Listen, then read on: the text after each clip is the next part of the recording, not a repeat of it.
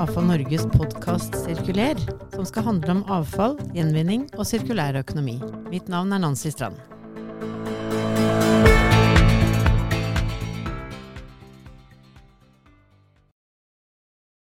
Tusen takk for det, Nancy. Da er jeg her i dag sammen med Bjørn Haugland. Du er jo en mann som mange av oss forbinder med Veritas og deres uh, bærekraftsarbeid. Uh, men nå er du altså i Skift, som er næringslivets klimaledere. Det er riktig. Og først og fremst tusen takk for invitasjonen til å, å komme hit. Uh, jeg har lang bakgrunn fra meg i, i, i Veritas både her i Norge og i Korea og Kina og rundt i verden. Eh, men for to år siden så startet jeg eh, Skift, og eh, nå jobber jeg på en mye bredere plattform sånn sett, men med det samme som jeg har gjort de siste 10-12 årene. Det er bærekraft, næringsliv og omstilling. Så spennende. Hvem er det som er medlemmer i Skift, da? Ja, vi, vi, er jo opptatt av å jobbe med de som er nysgjerrig på hvordan en kan gjøre denne grønne omstillingen til eh, konkurransekraft. Så Det er liksom vårt perspektiv, å jobbe med, med konkurransekraft. Eh, vi har medlemmer fra mange ulike sektorer, så det er også viktig for oss at eh, vi lager et fellesskap der en kan lære fra hverandre, bli inspirert fra hverandre. Og for å si det sånn helt enkelt, så lager vi et treningssenter. Eh, så alle som har lyst til å, å trene, kan bli med i, i, Skift. Og for å bli med, så trenger du ikke være topptrent. Det er jo hele ideen med treningssenter. Så kom sånn som du er, men det viktigste er at du innerst inne har et sterkt ønske om å engasjere seg. og Derfor så er vi i Skift opptatt av, også av å knytte toppledelsen til de endringene som skal skje. For vi tror at det er helt nødvendig for å få til omstilling slik at den går fort nok. Så topplederen er en viktig del av arbeidet til Skift? Ja, jeg vil si topplederen er en viktig del av arbeidet som uh, Skift gjør. Fordi at de reelle endringene skjer jo i medlemsbedriftene. Uh, og Derfor så er det viktig for oss at vi har uh, kontinuerlig og god dialog med topplederne. hjelper de til å se hvordan de best mulig kan omstille sine virksomheter. Men når det er sagt, så er det klart vi, vi er også veldig opptatt av at bærekraft nå eh, penetreres inn i alle funksjoner av virksomheten. Tidligere så var det kanskje nok å ha en bærekraftsjef, eh, men nå må bærekraft inn i finansfunksjonen. Det må inn i innkjøp, det må inn i HR, og det må inn i de ulike uh, funksjonene. Så Derfor så tilrettelegger vi i Skift også for nettverk, aktiviteter og prosjekter som penetrerer hele bedriften. Mm. Kan du beskrive litt hvordan Skift jobber i det daglige? Litt mer sånn det operative? Hva ja. det faktisk består i? Ja. Uh, Skift er jo en gjøretank, uh, så vi er opptatt av å, å gjøre prosjekter. Uh, men hvis du ser sånn overordnet på Skift, så er det tre ting vi gjør. Det ene er det som har vært litt sånn inni, altså en type sånn nettverkslogikk. At vi bringer ledere sammen på ulike nivåer i ulike funksjoner på tvers av virksomheter rundt klimarelaterte problemstillinger. Det andre vi gjør, som er kjernen i Skift, det er prosjektene våre. Så vi har ulike typer uh, prosjekter. Uh, vi, vi, kaller noen av disse prosjektene for store klimaskift. Og da er det topplederne som driver prosjektene uh, fremover. Det kan være innenfor sirkulærøkonomi, det kan være innenfor energi, det kan være innenfor finans. Så totalt har vi en portefølje med ti det vi kaller sånne store klimaskift som vi, vi jobber med. Og det siste vi er opptatt av, er jo som sagt skiftet mest opptatt av det som næringslivet kan gjøre selv. Men det, vi er også åpenbart opptatt av å ha en god dialog med myndighetene, sånn at de kan være med og tilrettelegge for grønn omstilling. Og ta våre anbefalinger og løsninger med i politikkutforming. Så så det å drive påvirkningsaktivitet er også, også viktig for oss. Mm. Så det vil si at dere Et av våre medlemmer, Renas f.eks., de er jo da medlem i, også i Skift. Så da vil de møte på arenaer hvor de treffer andre ledere som jobber med klimaspørsmål. De kan være med i prosjekter, og de får tilgang det, mulighet til å være med i det politiske påvirkningsarbeidet. Ja, det, det er helt riktig. Og Renas er en veldig aktiv eh, bidragsyter i Skift, så det er veldig gøy å ha de med. For de har også et veldig sånn komplementært ståsted og, og, og kompetansebakgrunn eh, enn mange av de andre medlemmene. Så, så Renas er med i, i, mange aktiviteter hos oss. Og senest forrige uke så hadde vi et sånn toppledersamling, der også Espen Barth Eide var med. Og der Renas var aktiv til stede. Ja, nemlig. Så en av de tingene dere har jobba med, Skiftet, er at dere har tatt fram ti, sirkulær, ti sirkulære prinsipper, er det dere kaller det? Ja. ja. Så bare for å ta et sånt bakteppe til det. for Det startet egentlig med at vi for to år siden lagde en gapanalyse for Norge. En nasjonal gapanalyse. og Der mener jeg også Avfall Norge var en aktiv eh, medspiller i det prosjektet. Det stemmer. Og det gjorde vi jo fordi at for ethvert forbedringsaktivitet så må vi ha en baseline. Og Den gangen ble det påvist at Norge var 2,4 eh, sirkulært. Eh, ganske langt nede i forhold til mange av våre naboland og europeiske land. Så På bakgrunn av det så samlet vi en del toppledere, der også Renas var, var, eh, var representert, uh, til å lage et skiftnotat innenfor sirkulærøkonomi. Og En av de anbefalingene som kom ut av skiftnotatet, ja det var at vi burde tilrettelegge kompetansehevning i alle bedrifter i Skift og i Norge for å kunne jobbe mer systematisk med, med dette. Og, og Det var bakgrunnen for at vi jobbet sammen med Deloitte um, og Sintef og WWF og laget disse ti prinsippene. For vi tror veldig på kraften i å forenkle. Sånn at Det er jo skrevet rapporter opp og ned og side opp og ned om uh, sirkulær økonomi. Men vi ønsker å skape et engasjement rundt det. Så Derfor har vi laget disse ti prinsippene. Og vi inviterer næringsliv og offentlige virksomheter til å stille seg bak de. Og jeg tror nå har vi mellom 60 og 70 bedrifter som har stilt seg bak disse ti prinsippene. Og i det ligger det at vi oppfordrer de til å lage eh, lokale implementeringsplaner. Se hva de er gode på, men som de må bli enda bedre på. Men ikke minst se hvor de må forbedre seg. Og så igjen lager vi et fellesskap rundt det, sånn at vi samler disse bedriftene hver åttende uke digitalt. Sånn at en kan dele erfaringer og bygge kompetanse sammen og lære fra, fra andre. Ja. Så vi har da ti prinsipper på sirkulær økonomi. Vi har også ti prinsipper på grønne innkjøp. Ti prinsipper på økonomi, bærekraftig økonomifunksjon. Og også ti prinsipper for, for grønnvaskning. Og mm. totalt i dette fellesskapet her så har vi nå over 600 bedrifter som jobber aktivt eh, med å forbedre seg i forhold til, til, disse prinsippene. Ja, Så da man tilslutter seg prinsippene, sier at dette er noe vi ønsker å leve etter i vår virksomhet, litt uavhengig av hvor langt man har kommet på reisen, og så får man være med i et fellesskap hvor man ja, jobber med de konkrete ja. løsningene. Er det sånn? Ja. Det er akkurat sånn det. Og prinsippene er utformet sånn at selv om du er kommet langt på reisen, eller kort på reisen, så gir prinsippene en retning og en veiledning. Uh, og tilbake til treningssenteret. Sant? Vi vil jo ha med uh, vi, må, vi, vi, vil ha med de som er halvtrente, sånn at de gjennom å jobbe i dette fellesskapet blir bedre innenfor disse ulike områdene. Og dette på sirkulærøkonomi er jo blitt veldig populært og veldig gøy å, å jobbe med. Og, og, veldig mye læring når ulike bedrifter fra litt ulike bransjer begynner å, å, snakke om det med et litt sånn felles språk. For disse prinsippene blir på en måte et litt felles, felles språk å, å, snakke om det eh, på. Ja. Mm. Jeg tror noen av medlemmene våre har tilsluttet seg ja. Eh, sirkulærprinsippene og er med i det fellesskapet der. Kan jeg eh, invitere flere med? Hjertelig velkommen. Så bra. Så hvis det er noen som blir nysgjerrig på det som jeg eh, snakker om nå, så, så ta gjerne kontakt. Send oss en mail. Kontakt at skiftnorge.no. Og så skal vi rettlede dere videre hvis dere har lyst til å være med i fellesskapet for sirkulære, eh, sirkulært næringsliv. Mm. Har du noen eh, personlige favoritter blant de ti sirkulære prinsippene, Bjørn? Ja, jeg har egentlig det. Og eh, det er prinsipp nummer fem, som handler om alt som har med deling å gjøre.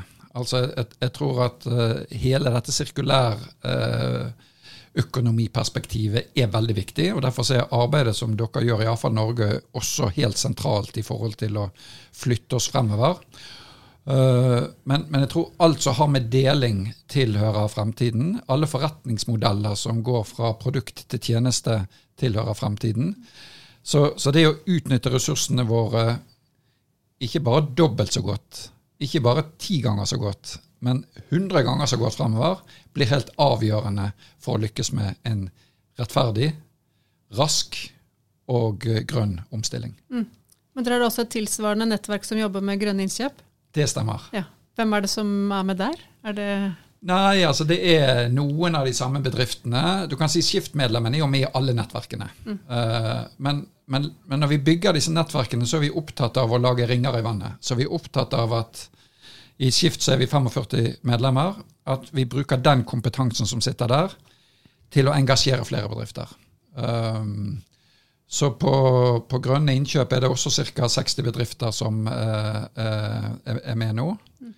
Den som har på en måte gått lengst og fått mest tilslutning, det er jo grønnvaskingsplakaten. Der det snart er 500 bedrifter som, eh, som, er engasjert. Og der vi hadde vårt møte i går, der vi delte ulike caser fra ulike bedrifter. Mm. Så her kan alle være med. Eh, det koster ingenting. Eh, men alle forplikter seg til å gjøre sitt beste. Og alle forplikter seg til å være med og dele. Og det er det som bygger dette fellesskapet. Mm.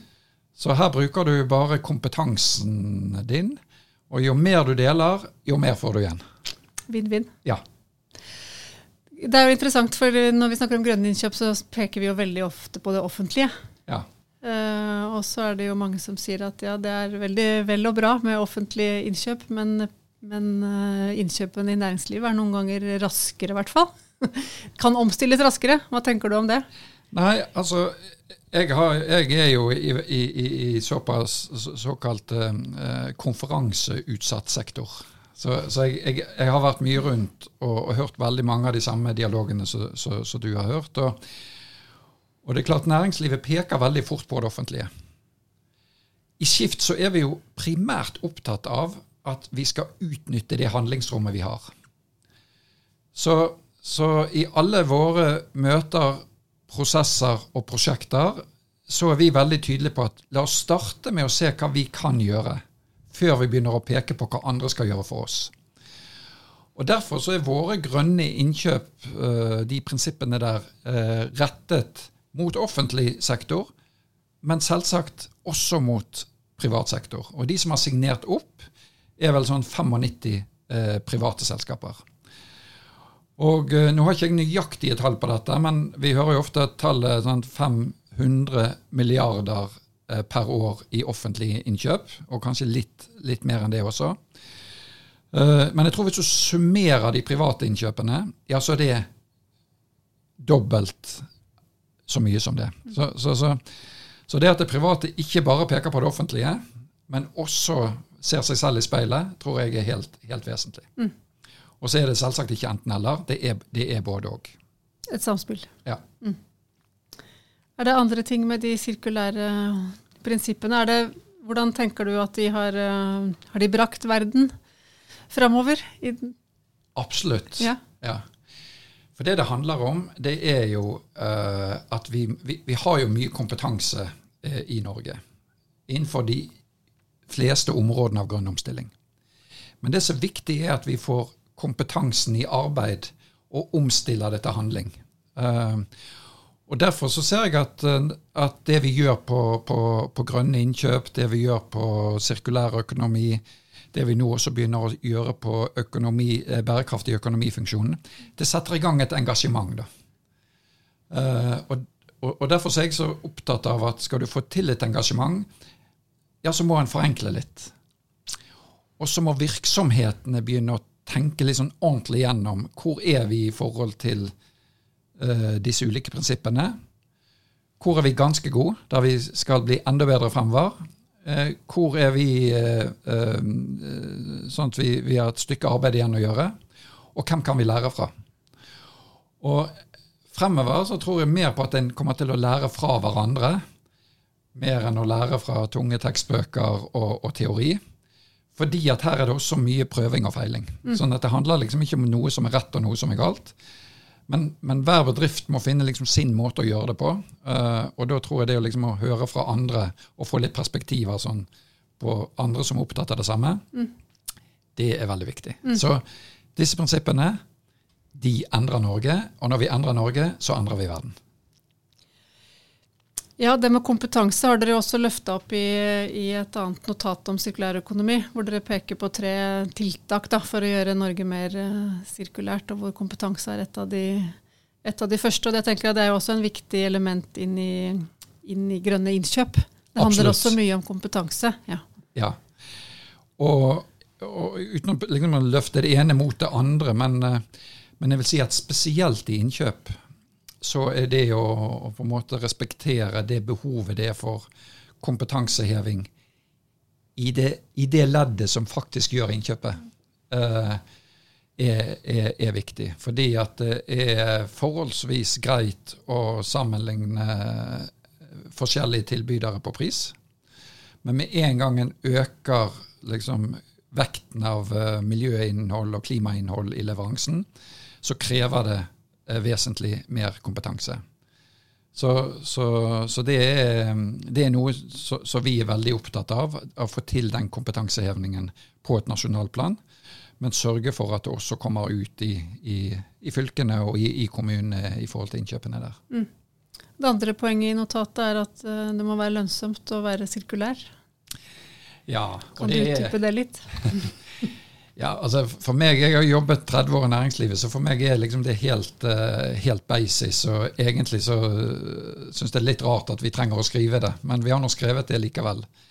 Uh, men, men, det er jo klart at, at, at, i forhold til disse overgangene vi skal inn i, så må vi tilrettelegge for, enten en, en liten bedrift, en stor bedrift, eller i samspillet mellom næringsliv og offentlig sektor, at, eh, at det er lønnsomhet.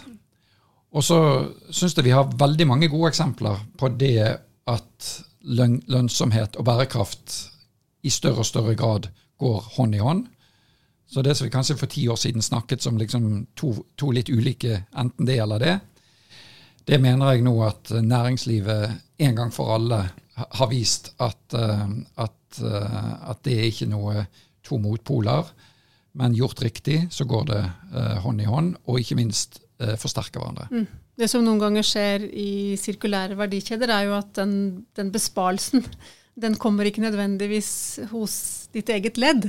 det er verdikjeden totalt sett som, som, blir mer lønnsom, men ikke nødvendigvis at det grep som den ene aktøren gjør, gir i hvert fall ikke noe sånn direkte økonomisk utslag hos seg, men det kan gi det i neste ledd. Da. Så den er å finne ut hvordan hvordan vi kan få til den lønnsomheten på tvers, og få til et så godt samarbeid. Da, at vi faktisk uh, henter ut de gevinstene som er der for fellesskapet, uten at det nødvendigvis er bedriftsøkonomisk lønnsomt fra dag én for hver enkelt virksomhet. Er jo litt uh, ja, det, det, er helt avgjørende. Sant? Det er jo systemendringer vi skal inn i her. og Da gjelder det også, som du sier, å ha et våkent øye for hvor de ulike besparelsene eh, kommer, og, og, hvem som på en måte får få gevinst av det. Og jeg tenkte bare ta, Siden jeg er hos deg i, i dag, eh, eh, ta et praktisk eksempel. For at eh, for to-tre år siden så gjorde jeg ferdig en hytte som jeg fikk bygget. Så egentlig skulle det være ganske sånn med, håper si, med ferdig oppkuttede eh, materialer og alt sånt. Men, men det endte med ganske mye avfall.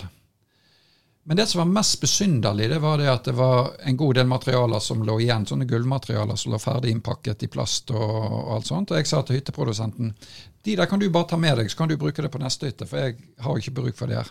Og så sier han nei, det blir altfor mye stress for meg, da. Og dessuten, nestemann har allerede betalt for sine materialer, og dette er dine materialer. Mm.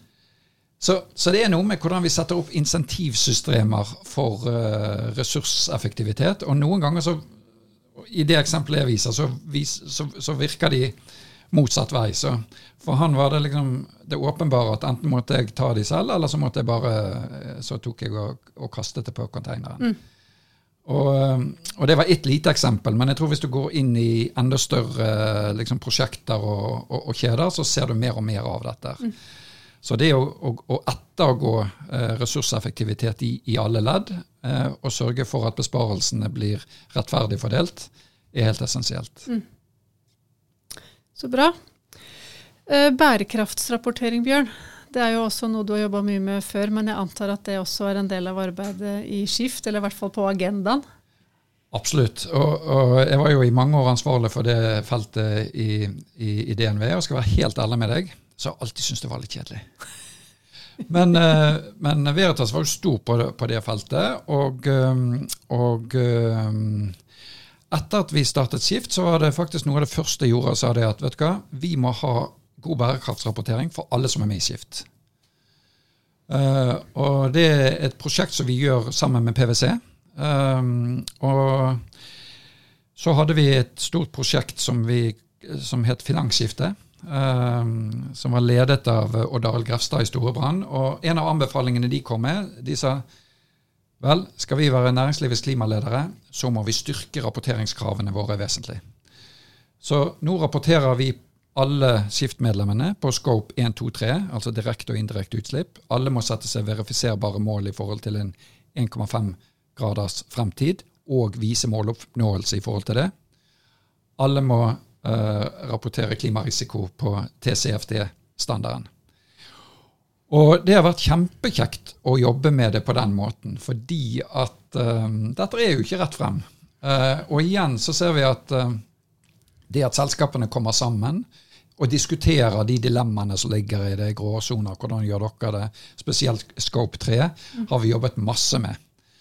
Så ser vi også at uh, en del bedrifter som har lik forretningsmodell, sånn som de store rådgivende ingeniørene, Sveko, Asplan Viak, Norconsult, Multiconsult, mange av de er med hos oss, så de har sagt kan ikke vi sette oss sammen og så definerer vi hva Scope 3 er for vår bransje.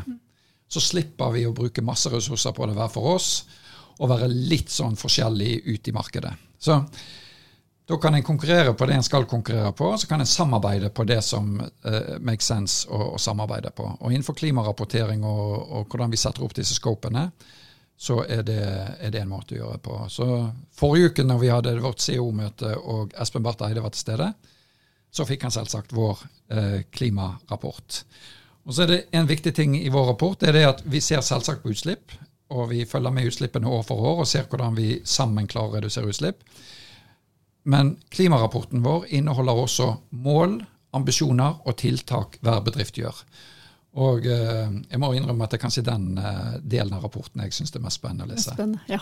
Jeg tror det er mye mer spennende stoff i den eh, bærekraftsrapporteringsarbeidet. som Det må vi lage en egen podkast om, tror jeg. Og hvor ja. mange av medlemmene våre har interesse av å dykke enda mer ned i materien der. Jeg tenkte vi kunne runde av med å snakke litt om det politiske landskapet. Som du sa er det tredje beinet til eh, skift. Det nærmer seg eh, nytt klima COP26 nærmer seg, og klima kommer høyt på agendaen, regner vi med, i alle, ja, forhåpentligvis over hele verden.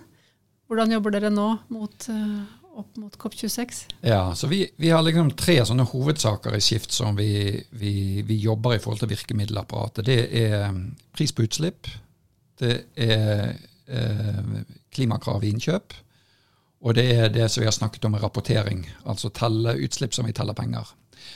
Og Når det gjelder pris på utslipp, så har vi de siste seks månedene jobbet opp et globalt uh, opprop for høyere CO2-prising. Det har vi gjort sammen med søsterorganisasjoner i Finland og Sverige. Det heter Call on Carbon. Og der har vi over 100 bedrifter, store bedrifter som har tilsluttet seg dette initiativet. Eh, I tillegg til ICC og en del sånne store interesseorganisasjoner. Um, og denne uken vi er inne i nå, så har vi skrevet som blekket spruter. For vi har skrevet brev til 196 statsledere om vårt opprop. Så det gikk ut en pressemelding i, i går på dette her. Og eh, vi skal også ha en del eh, møter på, på, høyt nivå eh, nå gjennom COP26. Uh, og dette med, med CO2-prising er jo for så vidt ikke noe, noe nytt i, i, det, men det er økt interesse for det. Så vi tror med uh, den politiske settingen vi nå har i USA, i Kina, Europa, ja, så er det en reell mulighet til å få enda større fokus på effekten av det virkemidlet og prise CO2. Og Dette oppropet er selvsagt også levert til norske myndigheter, som heldigvis støtter eh, forrige regjerings eh, tiltak om å øke CO2-prisen. Eh, så, så, så, dette har vært veldig sånn kjekt å, å, jobbe med. Og når vi jobber internasjonalt, så tror vi veldig på at vi kan ikke fokusere på veldig mange ting. Vi må ha én fokus for å få en plass. Og, og vi har liksom dedikert vår fokus de siste seks månedene på det med CO2-prising. Og så er vi veldig spent på hvordan dette blir tatt inn på en god måte i forhandlingene på COP26 i Glasgow. Ja, det er bare å benke seg Ja. og følge med. Hva, du nevnte at Espen Barth Eide var på det siste toppledermøtet deres. De, hva er de politiske, siste politiske signalene fra norske myndigheter og ny klima- og miljøminister, da? Ja, altså det er jo Hurdalserklæringen som selvsagt ligger i, i bunnen der. Og jeg tror dette møtet han deltok på med oss, var det første eksterne møtet han hadde. Så det var veldig, veldig, veldig kjekt at han brukte tid med oss. Men jeg opplever at vi har en regjering som er opptatt av et tett samarbeid med, med næringslivet. De har strammet eh, klimamålene. Så er nok plattformen, altså Hurdalsplattformen enda kanskje litt utydelig på, på virkemidler og tiltak.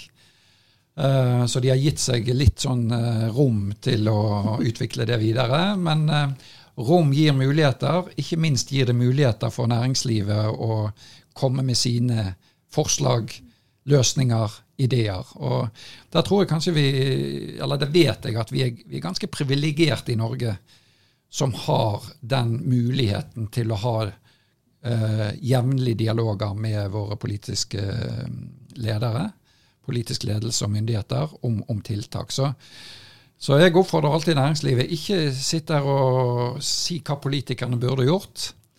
Kom med konkrete forslag, eh, fordi at de blir lyttet til. Og eh, det, vi fikk jo også anledning til å snakke litt om de tingene vi er opptatt av til Espen Barth Eide, og, og, og føler at eh, helt tydelig at, eh, ja, at de, de tar inn de perspektivene som, som næringslivet har innenfor løsninger, virkemidler og tiltak for å få til en rask grønn omstilling. For det, vi skal altså nå kutte like mye hvert år frem til 2030 som vi har kuttet til sammen siden 1990. Så det er en ganske stor oppgave som står foran oss. Det blir noen tøffe tak som vi må være med å dra lasset alle sammen.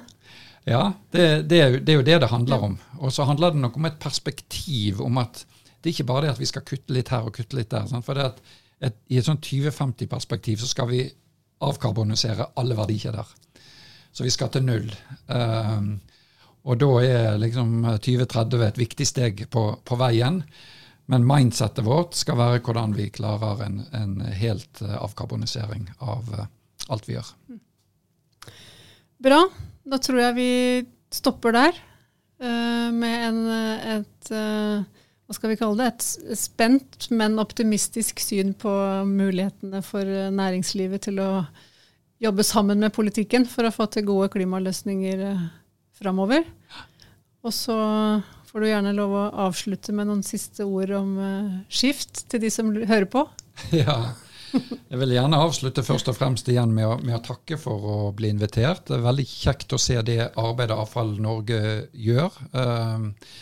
Så, så, fra oss i, i, i, Skift så ser vi frem til fortsatt uh, godt samarbeid. Her må alle krefter jobbe sammen.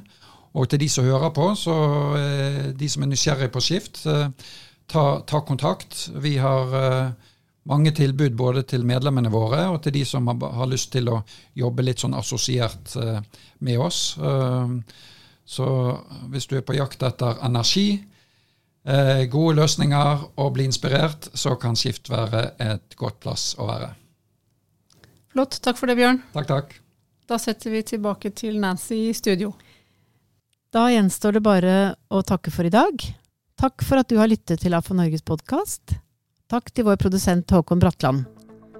Har du innspill, send det gjerne til sirkuler. Ha det bra!